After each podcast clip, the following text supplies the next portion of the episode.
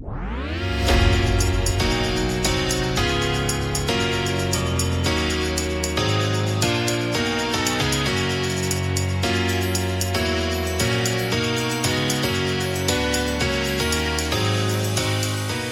hälsar vi varmt välkomna till Flink och Rottebladets handbollspodd som är inne i SM-finalerna och eh, det känns gött Flink att eh, du är ute på fältet igen.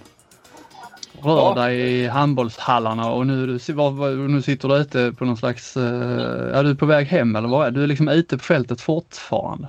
Ja, har ett uppdrag till ute på fältet som du säger. Nej men jag var ju i Partille i Igår stannade i Göteborg över natten och befinner mig nu på ett eh, fik i Varberg. För jag ska se Varberg-Hammarby ikväll innan jag ska köra vidare ner till Helsingborg och eh, faktiskt få ledig några dagar. Så att eh, eh, missar lite finaler nu.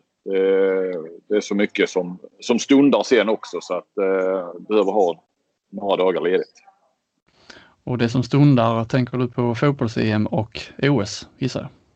Ja, precis. Eh, så sommaren blir ju hektisk och det här är väl egentligen denna och, och nästa vecka. Sen samlas ju fotbollsanslaget och sen kommer det gå i, i ett. Mm. Eh, så att, eh, nej, så att det, det var i alla fall eh, här nu. Nu är det ju damernas eh, andra match var på torsdag i Hör och de har match söndag också. Och eh, herrarna spelar i Skövde på lördag. Så att, eh, de kommer inte jag att bevaka. Men jag hoppas att eh, kollegorna kommer att ha koll ändå. Jag ska göra något, något förhands blir det här till, eh, till eh, lördagens eh, herrfinal i varje fall. Och du är på, jag vet inte, sa du det att du sitter på ett espresso här snart? Det är det som, det görs kaffe runt omkring dig? Ja det gör det. Jag sa ju fik för jag vill inte ge, ge någon ja, gratisreklam här. Men äh, ja, ja, kanske man kan få en... ja. Ja, men kafeteria. Eller café, café kanske. Kafeteria känns Fake, ju väldigt det, mycket ja, där, skola och matsal. Fake, det finns, eh, det går någon slags, eh, jag vet inte vilken ålder, men det är en tydlig, tydlig brytpunkt där när man slutar säga fake. Ja, eh, ja, eller när man börjar säga det kanske. Ja, börjar säga det, det är såklart. Mm. Ja, den har jag nog passerat. Mm. Eh, ja, som ni förstår då så är det ju onsdag då när vi spelar in den här gången och det är därför podden också släpps lite tidigare så att eh, vi, eh, liksom, vi har framförallt då herrarnas SM-final igår i färskt minne och du var ju där Flink så att eh, medan jag då är liksom allt mer bortkopplad från händelsernas centrum så, så var du på plats och kan ge oss eh, en närbild av vad det var som hände. Ja du, då kan jag ju fylla den här timmen hur länge vi nu ska hålla på med, med allt som hände. För det var väl eller det var ju en oerhört händelserik första final. En härlig final. Lite propaganda för sporten får man väl lov att säga. Med, ja, röda kort är kanske ingen propaganda men det blev det i varje fall. Och skador på nyckelspelare är inte heller propaganda. Men vi, om vi, propagandan är väl, är väl spänningen och eh, dubbla förlängningar och upphämtningar och ganska så svängigt. Och, eh, unga talanger och eh, något som vi kanske kan återkomma till. Rätt så skandinavisk prägel på, på eh, båda de här lagen. Eh, vet inte vilken ände man ska börja. Det finns ju så många trådar att dra i men det jag tänkte på efter, för jag ställde frågan till eh, kanske framförallt några Sävehofare där. Liksom, förutom 1-0 Eh, för nu har de haft två, två och en halv vecka på sig att förbereda sådär. Förutom då att det är 1-0 till Sävehof på pappret och hela den fördelen. Så, så fråga lite vad, vad drar ni för slutsats av denna? Vad, vad tar ni med er så att säga? Eller så, va? Och, eh, Apelgren var ju inne på då att han, han lyfte ju, vilket säkert inte Skövde kommer att eh, Skövdeborna kommer att gilla kanske så, men, men vinnarkulturen och, och eh, som finns i Sävehof och så eh, lyfte han fram då eh, Emil Berlin, högernian, som eh, ja, avgjorde ju, det kan man ju säga. Han gjorde ju de tre sista målen för Sävehof i den då sista förlängningsperioden. Mm. Eh, en 20-åring fostrad i klubben och som eh, Apelgren sa att eh, han har varit med och vunnit eh, SM pojkar A, junior-SM. Så att han är också, jag minns inte hur mycket, men han kan inte ha spelat så mycket när han som 18-åring var med om, om det senaste guldet då 2019. Eh, men, men eh, och han bekräftar väl det där att, att eh, ja, lite det var bland de vanliga klyschorna. Jag vet hur roligt det är att vinna och är beredd att göra det till, till varje pris och sådär. Men just och tillbaka till Apelgren, just att han är bekväm i, i den rollen. Blir inte eh, nervös då när, det, när han fick ta ett stort lass eftersom Rune Schröder hade fått rött kort. Eh, Gesim Salih eh, som spelar då på Berlins högernia ju, eh, var förkyld och inte med i matchen alls. Och Edvardsson låg med svåra kramper i, eh, i omklädningsrummet eh, som missade liksom den sista två gånger fem minuterna, de sista tio minuterna. Den sista förlängningsperioden. Så, eh, jag menar, vi vet ju Skövde har aldrig vunnit SM-guld, varit i två finaler och det är länge sedan nu. Eh, så att kanske Apelgren, han menar liksom att skulle det bli, eller om det var Berlin som sa det, nej det var nog Apelgren, att skulle det bli jämnt igen så här nu på lördag så, så kanske Skövde tycker att det är lite jobbigare då. Mm. Samtidigt tycker jag man måste faktiskt lyfta fram Skövde som var egentligen de som hela tiden kom tillbaka i matchen. Eh, de hade ett grepp lite grann, ledde i, i första halvlek men eh, och som mest bara med två mål. Eh, men efter den eh, att Sävehof kvitterade precis i slutet av första halvlek så var alltså inte eh, Skövde i ledning mer än en gång till och det var när de gick från 33, 33 till 35-33. Och det måste väl varit i början på eh, eh måste varit i början på förlängningen där ja. Eh, men den ledningen tappar man ganska snabbt. Sen var det ju faktiskt Sävehof som kunde avgöra gång på gång och det gjorde de ju också. Så de stod ju där som vinnare till slut. Men att, eh, vi ska inte glömma Skövdes eh, komma tillbaka på det viset och dessutom då med, som sagt, nu hade ju lagen sina, sina skador. Även Sävehof hade det, men, men de hade alltså Hanic ute från, ja, vad kan det vara, 20-25 minuter matchen. Eh, och sen då Turin eh, i stort sett, eh, eller vad var det? Det var inför den allra sista fem minuterna. Eh, var ju han borta. Och eh, Beck Hansen eh, ut redan i mitten av andra på rött kort. Och sen hade de, men då var det ju i princip slut. Men då var ju Rex Blom också rött kort. Så att, jag tyckte Skövde gjorde det. Det var jäkligt starkt att inte ge sig utan komma tillbaka gång på gång starkt tycker jag båda lagen egentligen för att i, alltså de förlängningarna man har sett så, så eh, eller brukar det ju vara så att får ett lag en två tremålsledning så brukar det liksom, ja då är det liksom punkterat. Då brukar det mm. vara svårt att, att hämta upp det på den korta tiden som ändå är. Men här var det ju det svängde ju liksom. Skövde hade väl två mål upp och sen Sävehof hade tre mål upp ett tag tror jag, kanske fyra till och med, ja, tre i alla fall det var liksom, eh, det var sådana oerhörda svängningar hela tiden egentligen från eh, andra halvlek och hela vägen eh, genom båda förlängnings, eh, eh, förlängningsperioderna.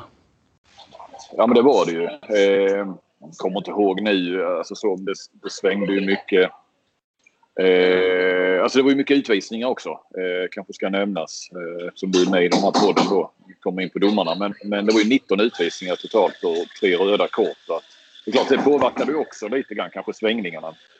Eh, det var många utvisningar rakt igenom hela matchen som, som påverkade. Och sen har vi ju då också Sävehof som väl i hela förlängningen i princip körde eh, 7-6-spel. Va?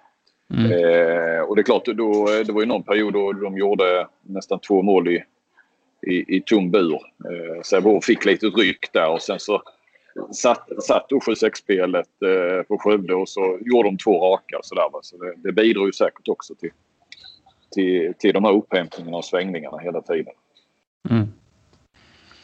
Nej, men om man... Ehm, det jag tänkte på det här med eh, Sävehof eh, hyllas ju nu. Ehm, det var ju liksom ung de unga som, som klev fram, de äldre var ju skadade eller sjuka eller liksom borta av olika anledningar. Och äldre, då är de ju ändå inte så särskilt gamla. Men det var ju liksom de ung-unga som, eh, som avgjorde. Jag, jag bara... Eh, ska det, jag bara reagerar på det. Ska det, ska det vara så eller? Alltså är det, är det, är det ett styrkebevis är det ju för Sävehof. Men är det liksom...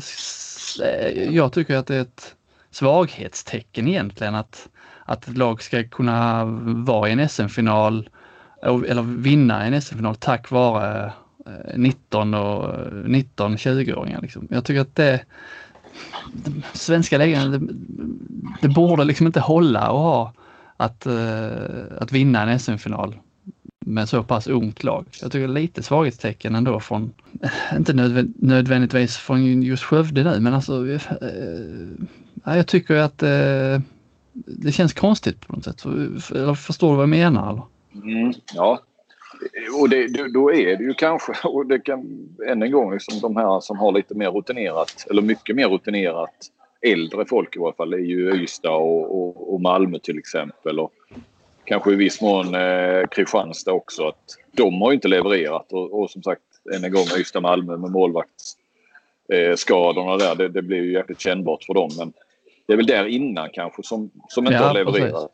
Mm. Eh, på tal om det också så bara notera när jag satt där igår också att det är ju, det är ju väldigt skandinaviskt. Eh, alltså av de fem av de tolv spelarna i Sävehof eh, kommer alltså från eh, Danmark, eh, Norge och, och, och Färöarna då. Och, och tre av tretton i Skövde plus att man eh, alltså, har hämtat spel. Både Hanisch och Rex Blom kommer ju från Norge. Nu menar jag de är inte norrmän för den sakens skull. Men, alltså det är nästan så. Det är antingen unga spelare eller så är det skandinaviska importer som är ganska, har ju präglat de här båda lagen ganska mycket.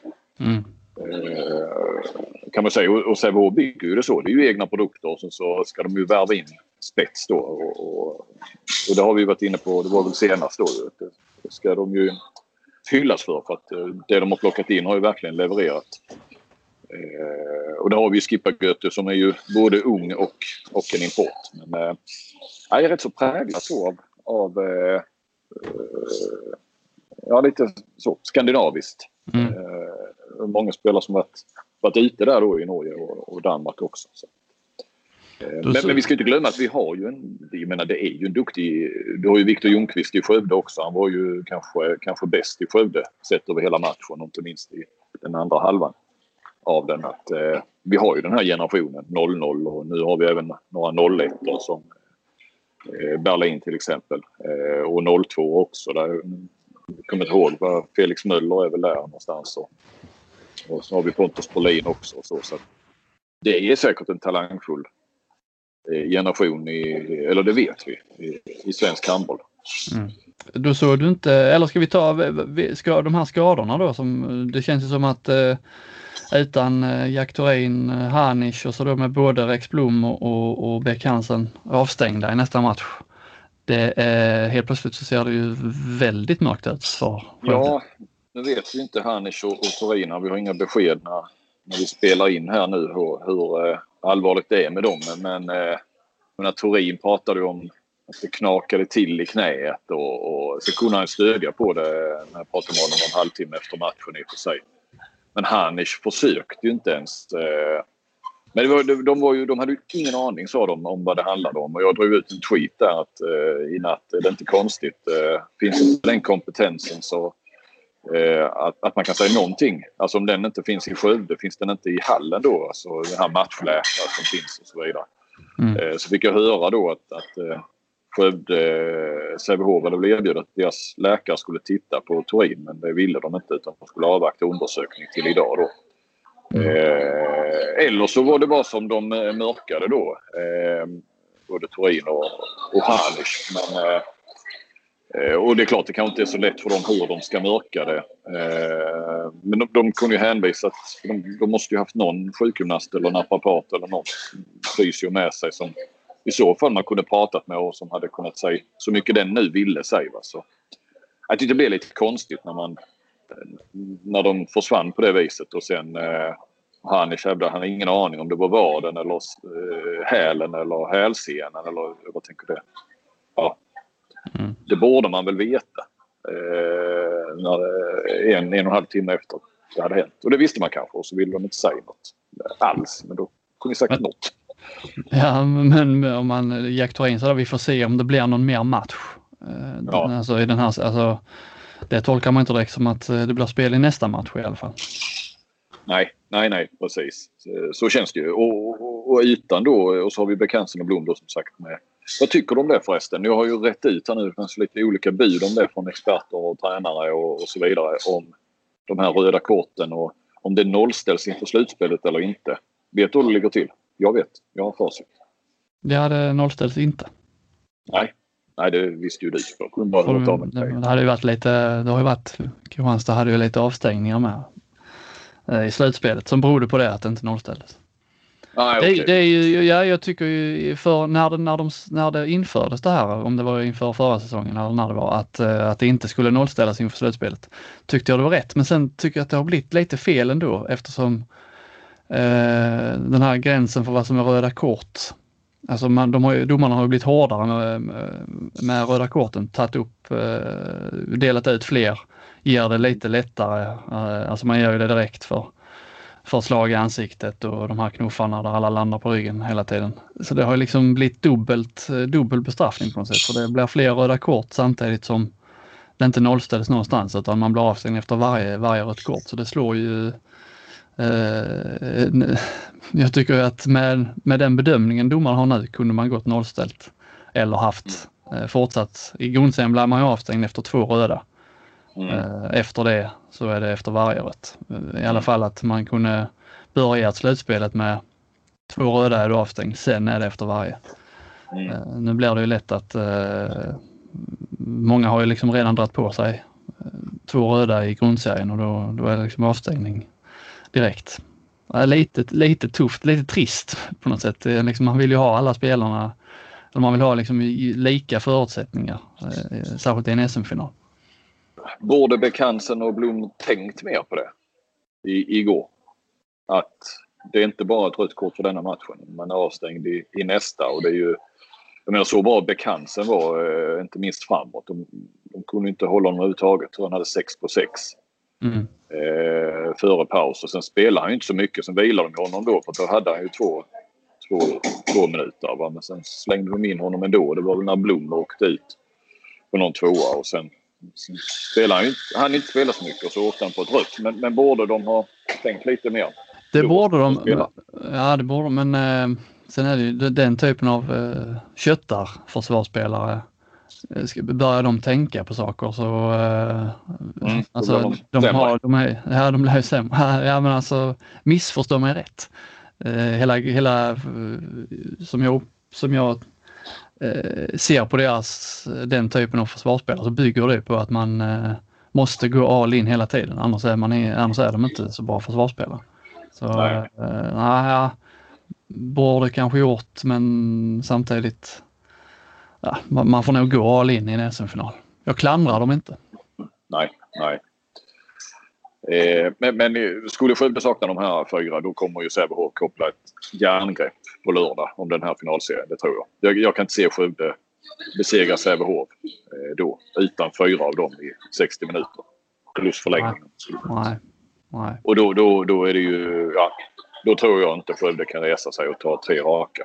Nej, det, där är vi nog eh, eniga. De hade behövt ta denna, helt klart måste säga också, eh, jag har ju pratat om coachkampen och sådär och, och, och, jag har nog för dåligt analysöga för att se liksom eh, eh sen in i matchen eh, andra halvlek och man, man hänger inte med. Då får man se det en gång till. Eh, jag behöver det i alla fall. Men det man noterade var i alla fall från första halvlek det var ju att Signell och Skövde eh, löste ju verkligen Sävehofs 5-1-försvar eh, där med Bekansen. Och de tog ju, jag tror inte Sävehof hade inte en enda kontring före paus heller. Eh, fick några sen där när de började de spela 7 mot 5 eller 7-6 spel också Sävehof ner i andra. Men eh, där lyckades ju verkligen Skövde att, att ta bort eh, två av, av Sävehofs vapen så att säga. Sen, eh, ja, sen är jag inte riktigt handbolls människa till att, att eh, pricka in vad eh, Apelgren gjorde eh, efter paus och så säga vad som ska räknas till till, till hans eh, kvaliteter just i den här finalen. Eller vad han, vad han bidrog med exakt. Apelgren, han, eh, hade han äh, fått frågan liksom vad, han, vad, vad han gjorde för att vinna den här matchen så hade han garanterat svarat att det var killarna som gjorde. det. Så jäkla trevlig och ödmjuk i alla intervjuer. Ja. Glad, leende på läpparna. Jo, men han har ju också vunnit varenda match sen i december. ja. Det, då, såg du inte, då, då såg du ingenting på simor sändningen va? Jo, jag hade den, eh, jag hade den på i, i örat. Det hade jag. Men, men eh, nej, så fort det blev lite paus och sådär då fick man ju gå bort till, till lilla fiket i Partille Arena.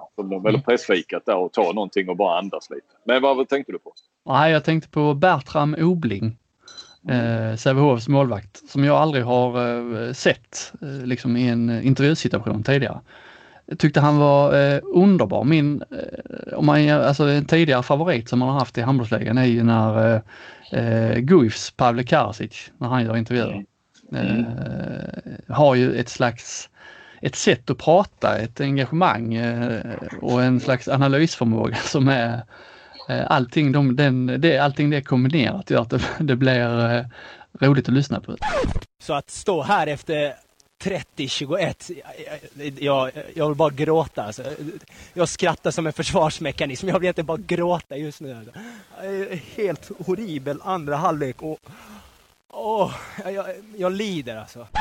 Lite samma var det faktiskt med den här Bertram Obling. Alltså, där vi har chansen för att få en fi, alltså leda med fyra ja. i första förlängningen, där mm. tänker jag. Det här, den, den är hemma nu. Och där blir det ju, alltså, en final var det att den, den inte var det. Men jag vet ju, eller jag har hälsat på honom någon gång. Jag har aldrig intervjuat honom så. Men, men eh, det är ju en, eh, oerhört, alltså det är en karaktär, en profil och, och som kom jäkligt snabbt in i, i gänget i Sävehof, det vet jag. Mm. Alltså, de är intensiva i uh, intervjusituationerna. Sådana mm. såna behöver man.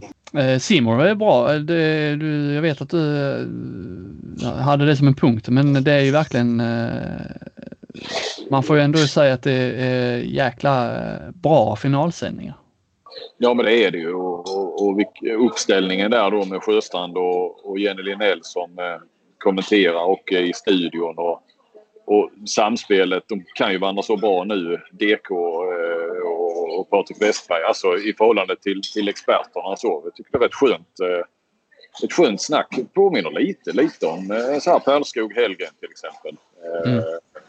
Att, att lite, ja, men det märks. De, de känner varandra nu. Ett, ett, ett bra samspel. Och, ja, men det är ju bra, jättebra produktioner och intervjuer och det är väldigt de... långa uppsnack, liksom en uh, halvtimme mm. innan match och kör väl ännu längre efter känns det som. Och, och liksom lä lämnar liksom inte kvar någonting uh, för oss då, eller för dig att analysera. De tar upp det som uh, som, som, som ska tas upp innan, innan liksom, ibland i, i vanliga serien så får man ibland, det har hänt massa grejer som man skulle vilja frossa mer i men och då tar det liksom slut efter fem minuter efter match. Man ska stressa iväg till annat. Och så har det varit till och med när det har varit eh, de här, eh, när det var en SM-final i Malmö, att det har varit, i alla fall när man har sett det på, på TV, att det är så himla stressigt efteråt. Eh, knappt något uppsnack och tio minuter sen börjar någon hockey-VM-match. Utan här får man halvtimme före, halvtimme efter minst. Det, det är gött. För oss som sitter framför tv-soffan om du liksom inte är involverade. Nej, Nej, absolut. Så där har vi väl, det blev väl lite av dagens eh, medietips också. Om vi kör nu den vignetten i efterhand eh, ja. så kan jag fylla på med en efteråt också. Man gillar ju GP. När det är Göteborgslag i, i SM-final så steppar ju GP-sporten verkligen upp också med ja, men mycket förhands och grepp och enkäter och det är betyg efter finalen och så. så eh, all cred där till eh, DGP som överhuvudtaget eh, har en, en bättre handbollsbevakning igen här de sista åren. Efter att det var lite sämre några år där det var väl lite reporterberoende så att säga och intresset hos de som, som jobbade där. Mm. Så att, ja det gillar man. Sämre på på GT, alltså Göteborgs kvällstidningen. Mm, eh. det, hela den eh, filialen där, vad man ska säga. Med, de, har ju, de har ju Expressen och kväll, Kvällsposten har inte skriver väl inte ens en, knappt någon rad handboll på hela säsongen. Och, och GT Nej. ingår i det. Så det, det är liksom ett eh, verkligen tydligt aktivt val att fimpa all handbollsbevakning. Ja. Eh, och igår vet jag bara på morgonmötet vi hade att jag hörde bara eh, någon av cheferna eller redaktörerna sa att eh, ja, men ikväll händer det inte så mycket. Och så var det någon, någon eh, vad var det? Ja, Manchester City vann ju sen ligaguld där, men det var någon Premier League-match och, och, och så är det ju handbollen. Så det var inte så att det, vissa så här lördagar och söndagar då, då det händer så enormt mycket så att, eh, och det är oftast kanske lite eh, mer tungt med folk på helgen kan det ju vara om man inte kraftsamlar.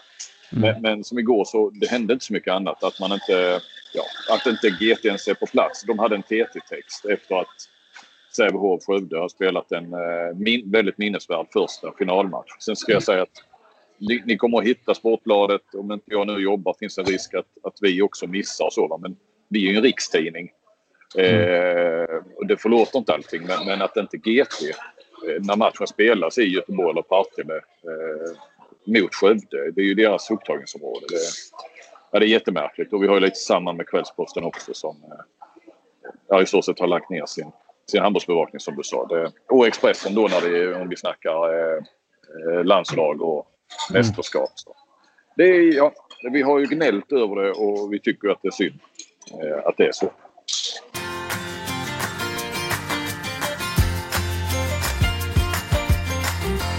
Ja, Flink, det, det har ju även ehm, eh, spelats en damfinal.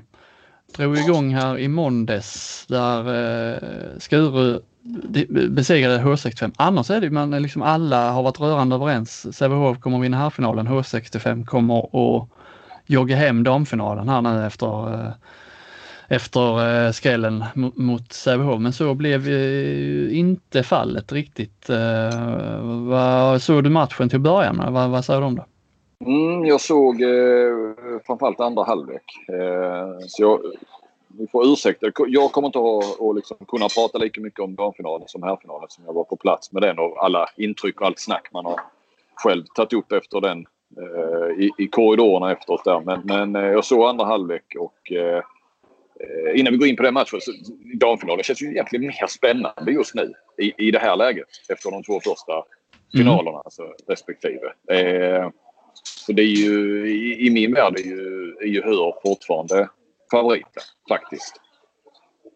Ja, alltså jag tycker det med tanke på hur matchen var. Jag tycker att man kan eh, liksom i min värld så, så handlade segern till 85-90% om att Rebecka Nilsson ja spikade igen fullständigt eh, i Skuremålet. Tycker liksom att H65 spelade väl så bra, eh, eh, särskilt i inledningen, att de kom till bra läge, att matchen hade kunnat se helt annorlunda ut om de hade liksom eh, fått in bolluslingen där bakom, eh, bakom Rebecka. Så att det, det var eh, eh, lite som en eh, studsboll där, Rebecka Nilsson som räddade allt kändes som. Hon landade väl på 43 procent tror jag. H65 hade 20 procent om man ser till, till hela matchen. Det är klart att då, eh, då ska, då ska Skur vinna. Det är ju liksom inget gäng som eh, eh, trots att Ulrika Olsson inte är med utan eh, men de var ju, de, de utnyttjade också, passade ju på, tog chansen när, när eh, hon storspelade, Nilsson. Ja men, men den är ganska, ja förlåt. Nej men som du säger, det, trots att nu Skuru vann denna hyfsat enkelt så det känns ju ändå liksom vidöppet eh, och man har ju fortfarande känslan att H65 vinner nere i Hör och, och uh, håller den matchen liksom vid liv. Ja men definitivt. Sen, sen var det lite kul för det var väl det alla pratade om inför att om Skuru skulle ha en chans så måste Rebecka Nilsson stänga igen. Och, mm. och det gjorde hon ju. Jag noterade förutom då alla räddningar så och, vilket såklart påverkade att Hör hade alltså sju stycken i, i stolpe ribba. Mm. Eh, det är ju mycket, men det är klart det blir ju så när, när hon börjar rädda så skjuter man ju med mindre marginaler. Det är ju en klassisk konsekvens så. så att, eh, det kanske också, när man väl sen ser Skuru spela, man underskattar kanske eh, spelarna lite grann också. Eh, ja, det jag tänkte alltså, du, det gör det. Järrenholt, eh, de Jong, eh, eh ja, nu tappar jag eh, namnen här liksom. Men det, det, är ju så mycket mer än Ulrik Olsson. Jo men så ser man då när man, jag såg några av de matcherna man såg mot Skara så tänkte jag ju att ja, det här kommer ju H65 vinna rätt enkelt. Men sen det är ju samma spelare som möter H65 bara det att de ser allihopa ett snäpp bättre ut samtidigt. Liksom. Eh, så man, man, det är liksom, man får eh, den här, de här matcherna man har sett mot Skara, det har inte riktigt eh, varit en rättvis bild. Eh, när det gäller kvaliteten på spelarna för de, de, de är ju liksom bra Skuru. Det, Eh, du har ju Mattias glömde jag på, på linjen också som de hade väldigt stor respekt för. Eh, H65. Eh, ja, så som Voutilainen eh, var ju också väldigt, eh, är ju väldigt nyttig. Och, eh, ja, nej. Det, eh, vi ska inte underskatta men samtidigt känns det ju som hur... Om båda lagen eh, spelar på topp så, så bör ju ändå Hör vara bättre. Mm. Eh, men de måste ju kanske inte släppa så mycket centralt då. Eh, alltså Skuru gjorde nästan alla sina mål eh, rätt så centralt i banan. Så att, Ja, man tänker Bjärrenholt ska liksom inte få, man vet ju hennes styrkor och så ska man liksom inte få vandra in mellan två och tre liksom insida där. Nej. Så enkelt som hon gjorde ibland. Utan det, där, måste, där måste man ju stänga igen. Så var de kanske ändå lite, den här urladdningen eller vad man ska säga, det blev mot Sävehof. Det, det gick inte många dagar. De var väl bara nere i Skåne och vände nästan. Mm. Eh, så att, eh, nej, jag tror att eh, Hör kvitterar här på, imorgon som, som det är då på, på torsdag. Mm. Det finns så mycket mer att ta av eh, och det är klart de måste ju börja med att och jämna till målvaktsmatchen lite. Rebecka Nilsson får inte ta så mycket och, och Hörs målvakter måste ta Eh, betydligt mer. Mm.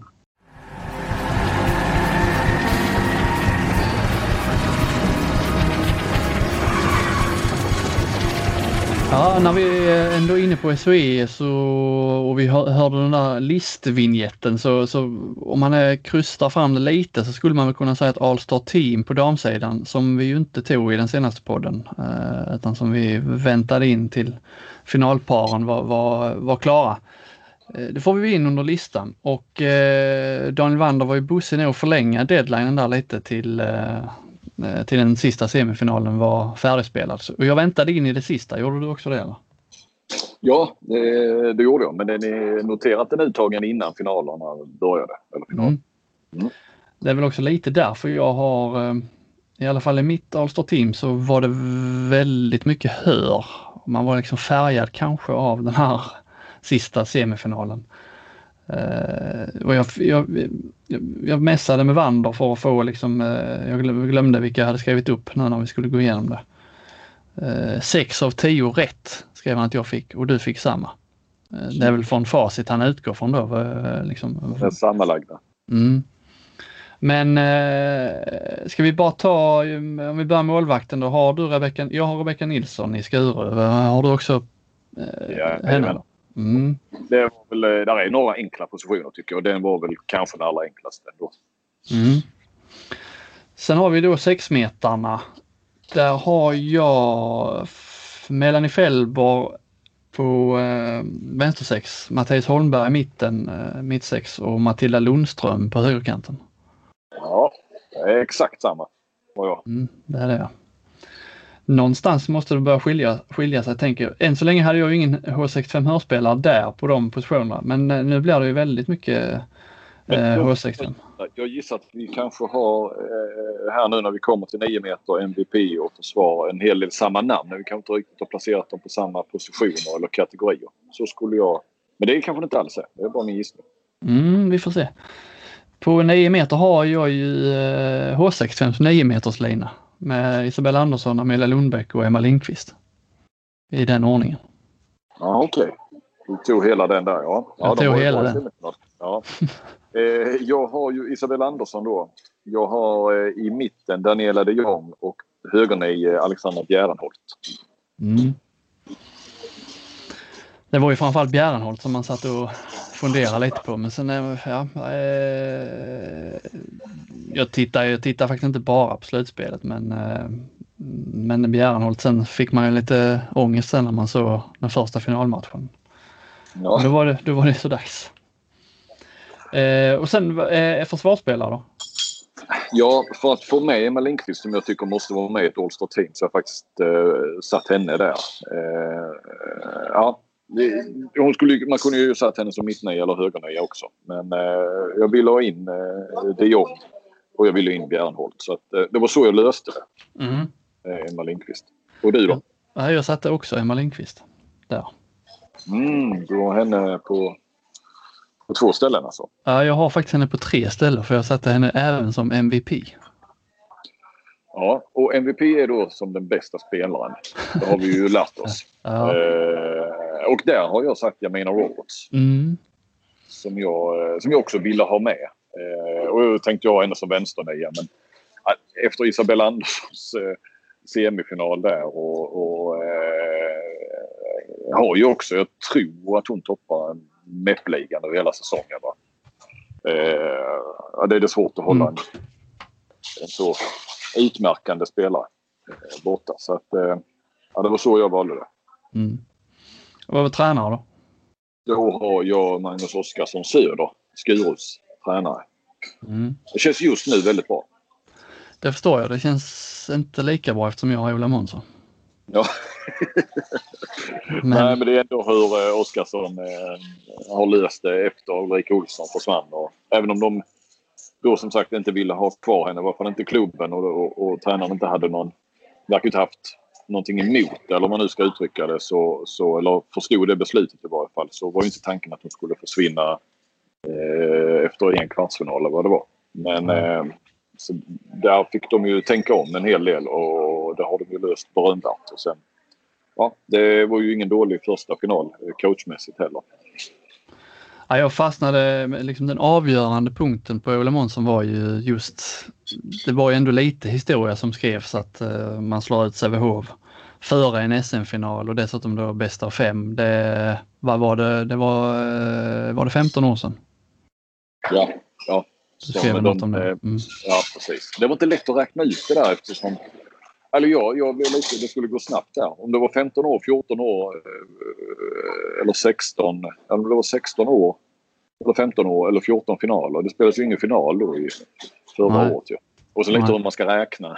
Ska man räkna sedan finalen 2015?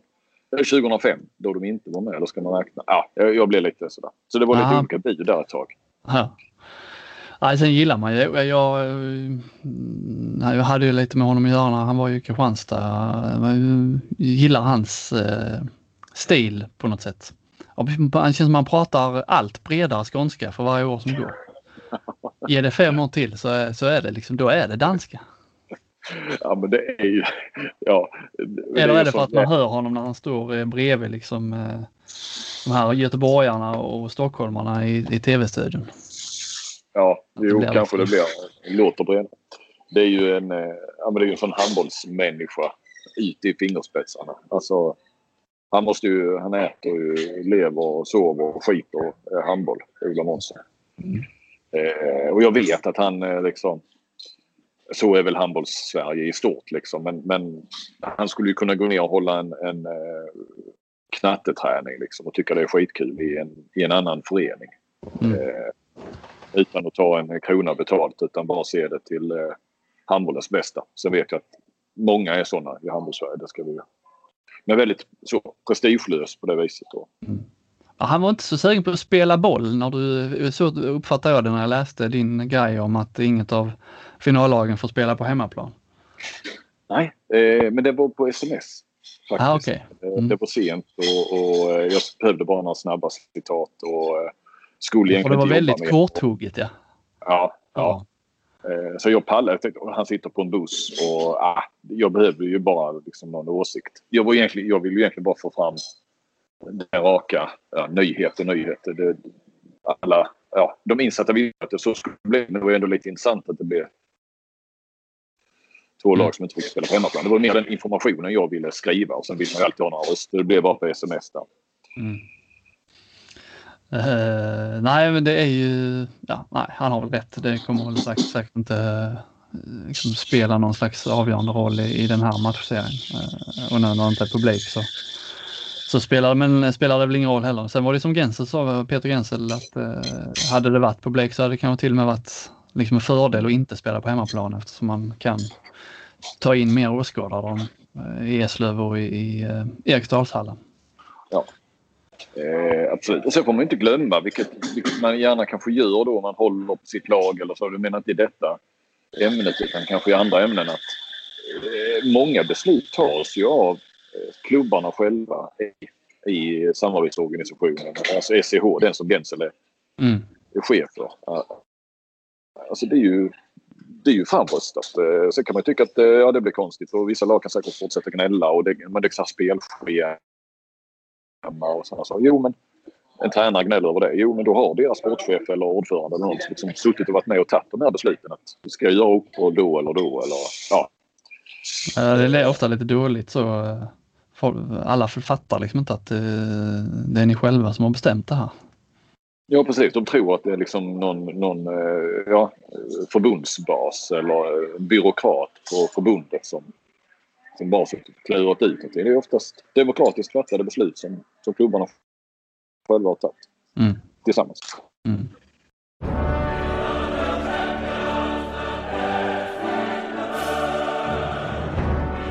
Eh, om vi lämnar Sverige då lite, eller i alla fall vi lämnar Sverige delvis med, får man väl säga ändå, rätt så eh, stor nyhetsbomb som kom här i samband med finalerna att eh, Erik Johansson lämnar Guif och går till, inte till Vardar, eh, inte till Kiel, utan till Elverum i Norge. Det var eh, han Frode Tjeje, den norske twittraren, förstår inte varför jag, var, varför jag ansåg det vara överraskande. Men visst tusan var det Eh, chockerande nästan. Ja, det, det, är det ju verkligen. Sen fattar jag ju att norrmännen tycker att det är en jävla fjäder i hatten. De har sitt ständiga lillebrorskomplex och, och helt plötsligt lockar en norsk klubb.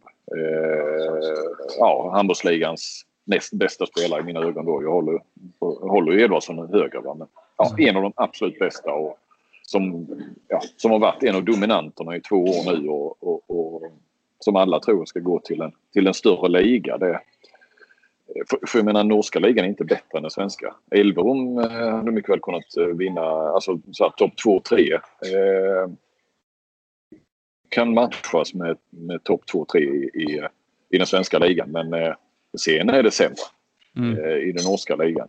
Eh, jag tycker inte det känns riktigt bra. I alla fall inte för egen del. Att eh, man, man har liksom förlikat sig på med att, att danskarna är det är dit eh, de lite, lite för bra svenskarna, de, de, de går till Danmark. Men att Norge ska komma in och, peta i den här, eh, sno sådana spelare som Erik Johansson, det känns inte riktigt eh, bra i magen. Ja, nej, eh, för, för, hans utveckling kan jag kanske, alltså jag kan köpa det att det är ett la, la, mer lagom steg på ett sätt med, om man jämför med Varda och Kiel i alla fall. Men samtidigt spela i den norska ligan då, det är ju där han kommer att göra mestadels av sina matcher och den är inte, den är inte bättre. Och, och samtidigt som det är liksom inte givet att de får en Champions League-plats. Norge tillhör inte de nio toppligorna och får förlita sig på ett wildcard. Och nu kom Elverum sist i sin Champions League-grupp och fick liksom eh, åkt ut med 40 bollar mot Barca i, i åttondel. Sånt spelar ju roll när, när man söker wildcard. Jag håller inte det som som helt givet att Elverum eh, kommer att spela Champions League nästa år. Nej. Jag, lite kan jag förstå det men lite liksom ändå, jaha, vad, vad, är detta ett steg upp liksom eh, om man ser till helheten? Det undrar jag faktiskt. Nej, och jag vet inte heller. Eh, nu har vi inte pratat med Erik Johansson eh, om det. Han kunde ju verkligen gått till Kiel och det hade kanske varit ett för stort steg och vi har ju sett då, då blir ju Sonnefelt istället och han lämnar ju Kiel nu. Så tror jag att eh, i och för sig Erik Johansson har en ännu större potential än Sonnefelt men han verkar ju vara ganska sådär, och det pratar han väl nästan själv om då, när, att, att han vill ju ha en jäkla trygghet runt sig verkar det som. Eh, och det kanske han då får i, känner det i Elverum och Sen vet vi att Elverum är bra på att eh, utveckla unga spelare. Eh, vi har en Bloms nu till exempel, kantspelaren som går till, till Veszprem. Så det har de gjort tidigare. Och, eh, men jag, jag, är lite, jag tycker, dels har vi hela grejen att man går till Norge, att Sveriges, eh, eller en av ligans bästa spelare går till, går till Norge. Men, men just den här också att vardagen, får han den tillräckliga utmaningen? Eh, visst, det, det, blir kanske då Champions League-spel. Men det blir ju ett otroligt steg upp också alltså för Elverum som lag. Mm. Eh, vad har de? De har kanske chansen i, i ett par, tre matcher egentligen. Mm. Riktigt. Så, eh, ja, nej. Sen tycker inte jag att han hade behövt gå till en tysk toppklubb eller så. Utan, eh, ja, men det här steget till en dansk toppklubb kanske.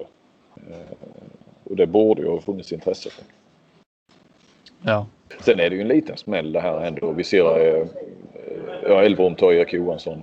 Eh, Ålborgs supersatsning. Några danska lag till som försöker eh, haka på där. Det, vi minns ju när eh, Kristianstad från 5-6 eh, år sedan började ta sina guld där skulle, eh, skulle bli en, en storklubb i, i Norden och jag kommer inte ihåg om det var Kolding man, man sneglade på. Eh, vid den tiden var det kanske som var bäst i Danmark just då. Mm. Eh, där känns ju som svenska klubbarna är en bit efter. Ja, det steget har ju inte blivit mindre direkt. Nej. Och det ser man värvningarna i Ålborg så är väl risken att det blir eh, eh, ännu större. Sen vet man inte heller Ålborg. Det finns ju risk att de sticker ifrån i Danmark och blir liksom eh, ensamseglare mm. där. Och, eh, liksom att hela ligan kanske inte nödvändigtvis blir så mycket bättre eh, än, än vad den är nu. Men sen, har jag, sen samtidigt, eh, Skjern är ju där och GOG vet man ju att de får in eh, rätt eh, får in Tolbring till exempel nästa säsong så att det, och Skjern med får in eh, Alfred Jönsson så att eh, den, den danska ligan är ju spännande generellt.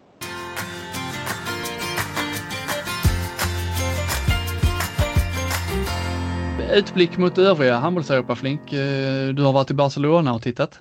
Ja, ja jag har inte varit där så. Men eh, eh, eh, Pascual slutar i, som tränare efter denna säsongen. Det ryktas om Carlos Ortega då som eh, eh var med i det här Dream Team i slutet av 90-talet med, med Thomas Svensson. Och han har ju Hannover nu att han ska ta över. Fast först om, om, ja, om ett år då, eller efter nästa säsong att de ska in någon interimtränare då.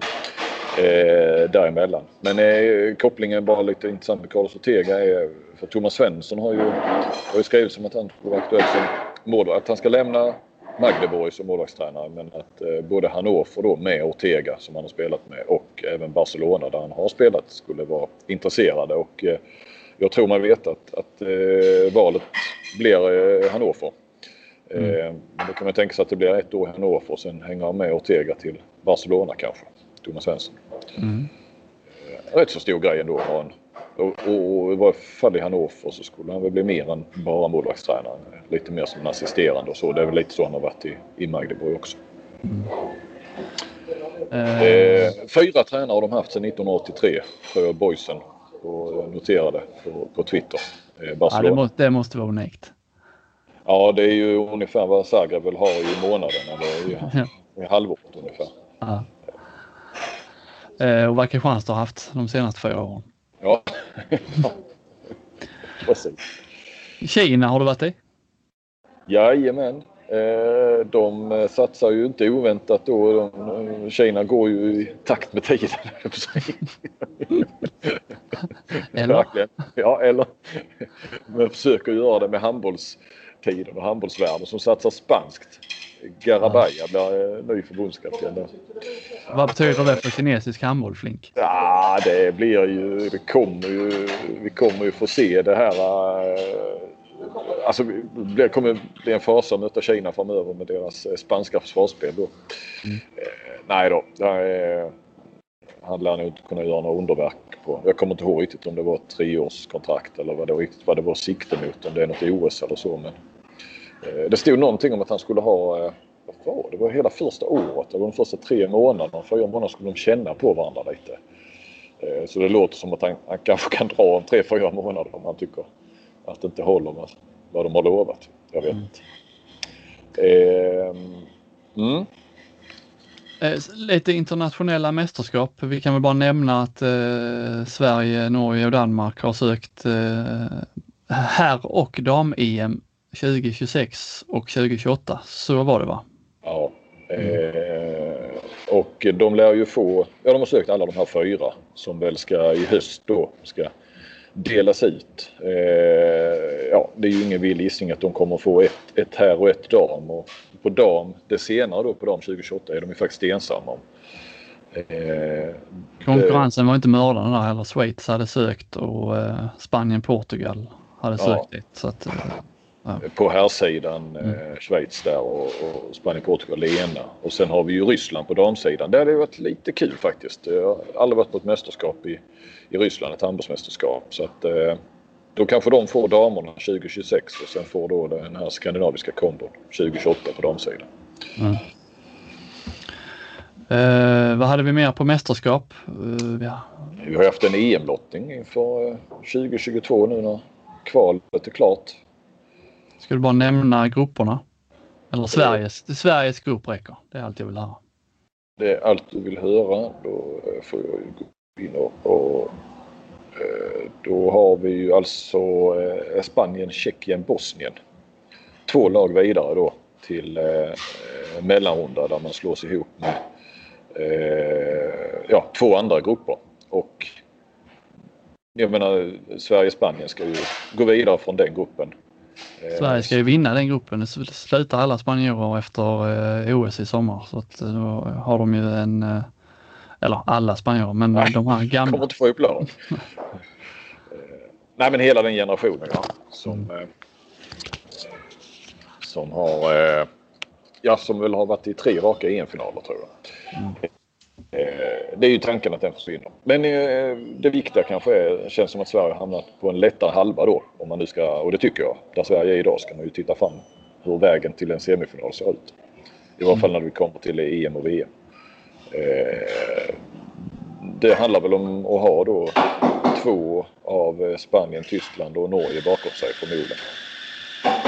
Medan på den andra halvan, och nu drar jag ändå lite här mer än vad du ville ha egentligen, men eh, du har ju Danmark, eh, Frankrike, Kroatien, Portugal, Slovenien, eh, Ungern på hemmaplan, jösse namn. Eh, mm. Den är tuffare. Bratislava spelar Sverige eh, båda, både det inledande gruppspelet och sen mellanrundan. Mm. Eh, vidare till Tyskland skulle man väl kunna säga då, där vi har eh, tre svenskar som är med i eh, tränarnas All-Star Team eh, i Champions League. Mm. Intressant. Ja. Hampus Wanne, Niklas Ekberg och eh, Jim Gottfridsson.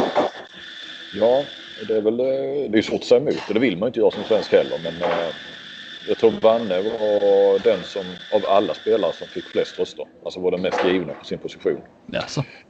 Ja, jag läste det någonstans. Eh, mellan här tror jag det var, vi har spelat in, jag är inte säker. Det var kanske inför förra men vi har inte pratat om det. Jag utsåg ju till Jim Gottfridsson till världens bästa spelare sen årsskiftet i varje fall. Eh, vad tycker du om det förresten? Jag eh, tycker att känslan är inte att han är världens bästa spelare, men du hade ju eh, underbyggt det här eh, konstaterandet med rätt mycket fakta och siffror så att vem är jag att protestera mot det? Nej, och sen kollar jag med lite, inte bara svenska experter utan lite internationella. Sen kanske de vara snälla mot mig för att det är jag som frågar som svensk. Men jag var inte ensam om, om den åsikten. Ja. Det var ju såväl danskar som nere på Balkan och, och eh, så, som höll med. Eh, så att, eh, ja.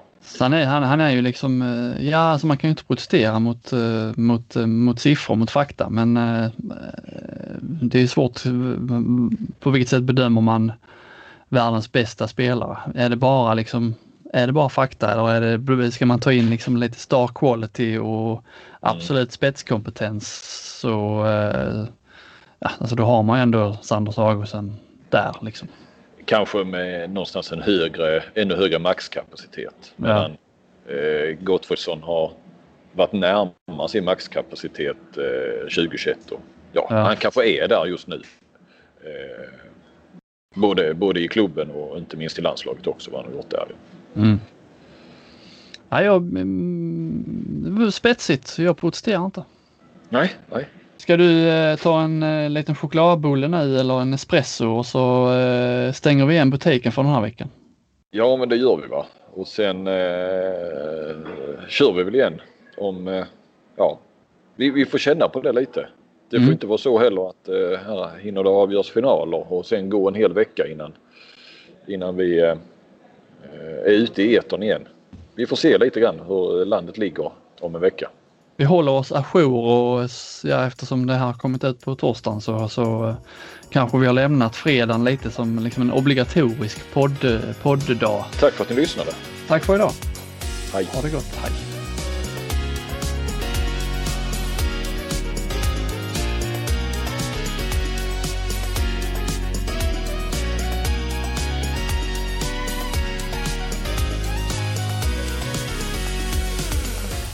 Du har lyssnat på en podcast från Aftonbladet. Ansvarig utgivare är Lena K Samuelsson.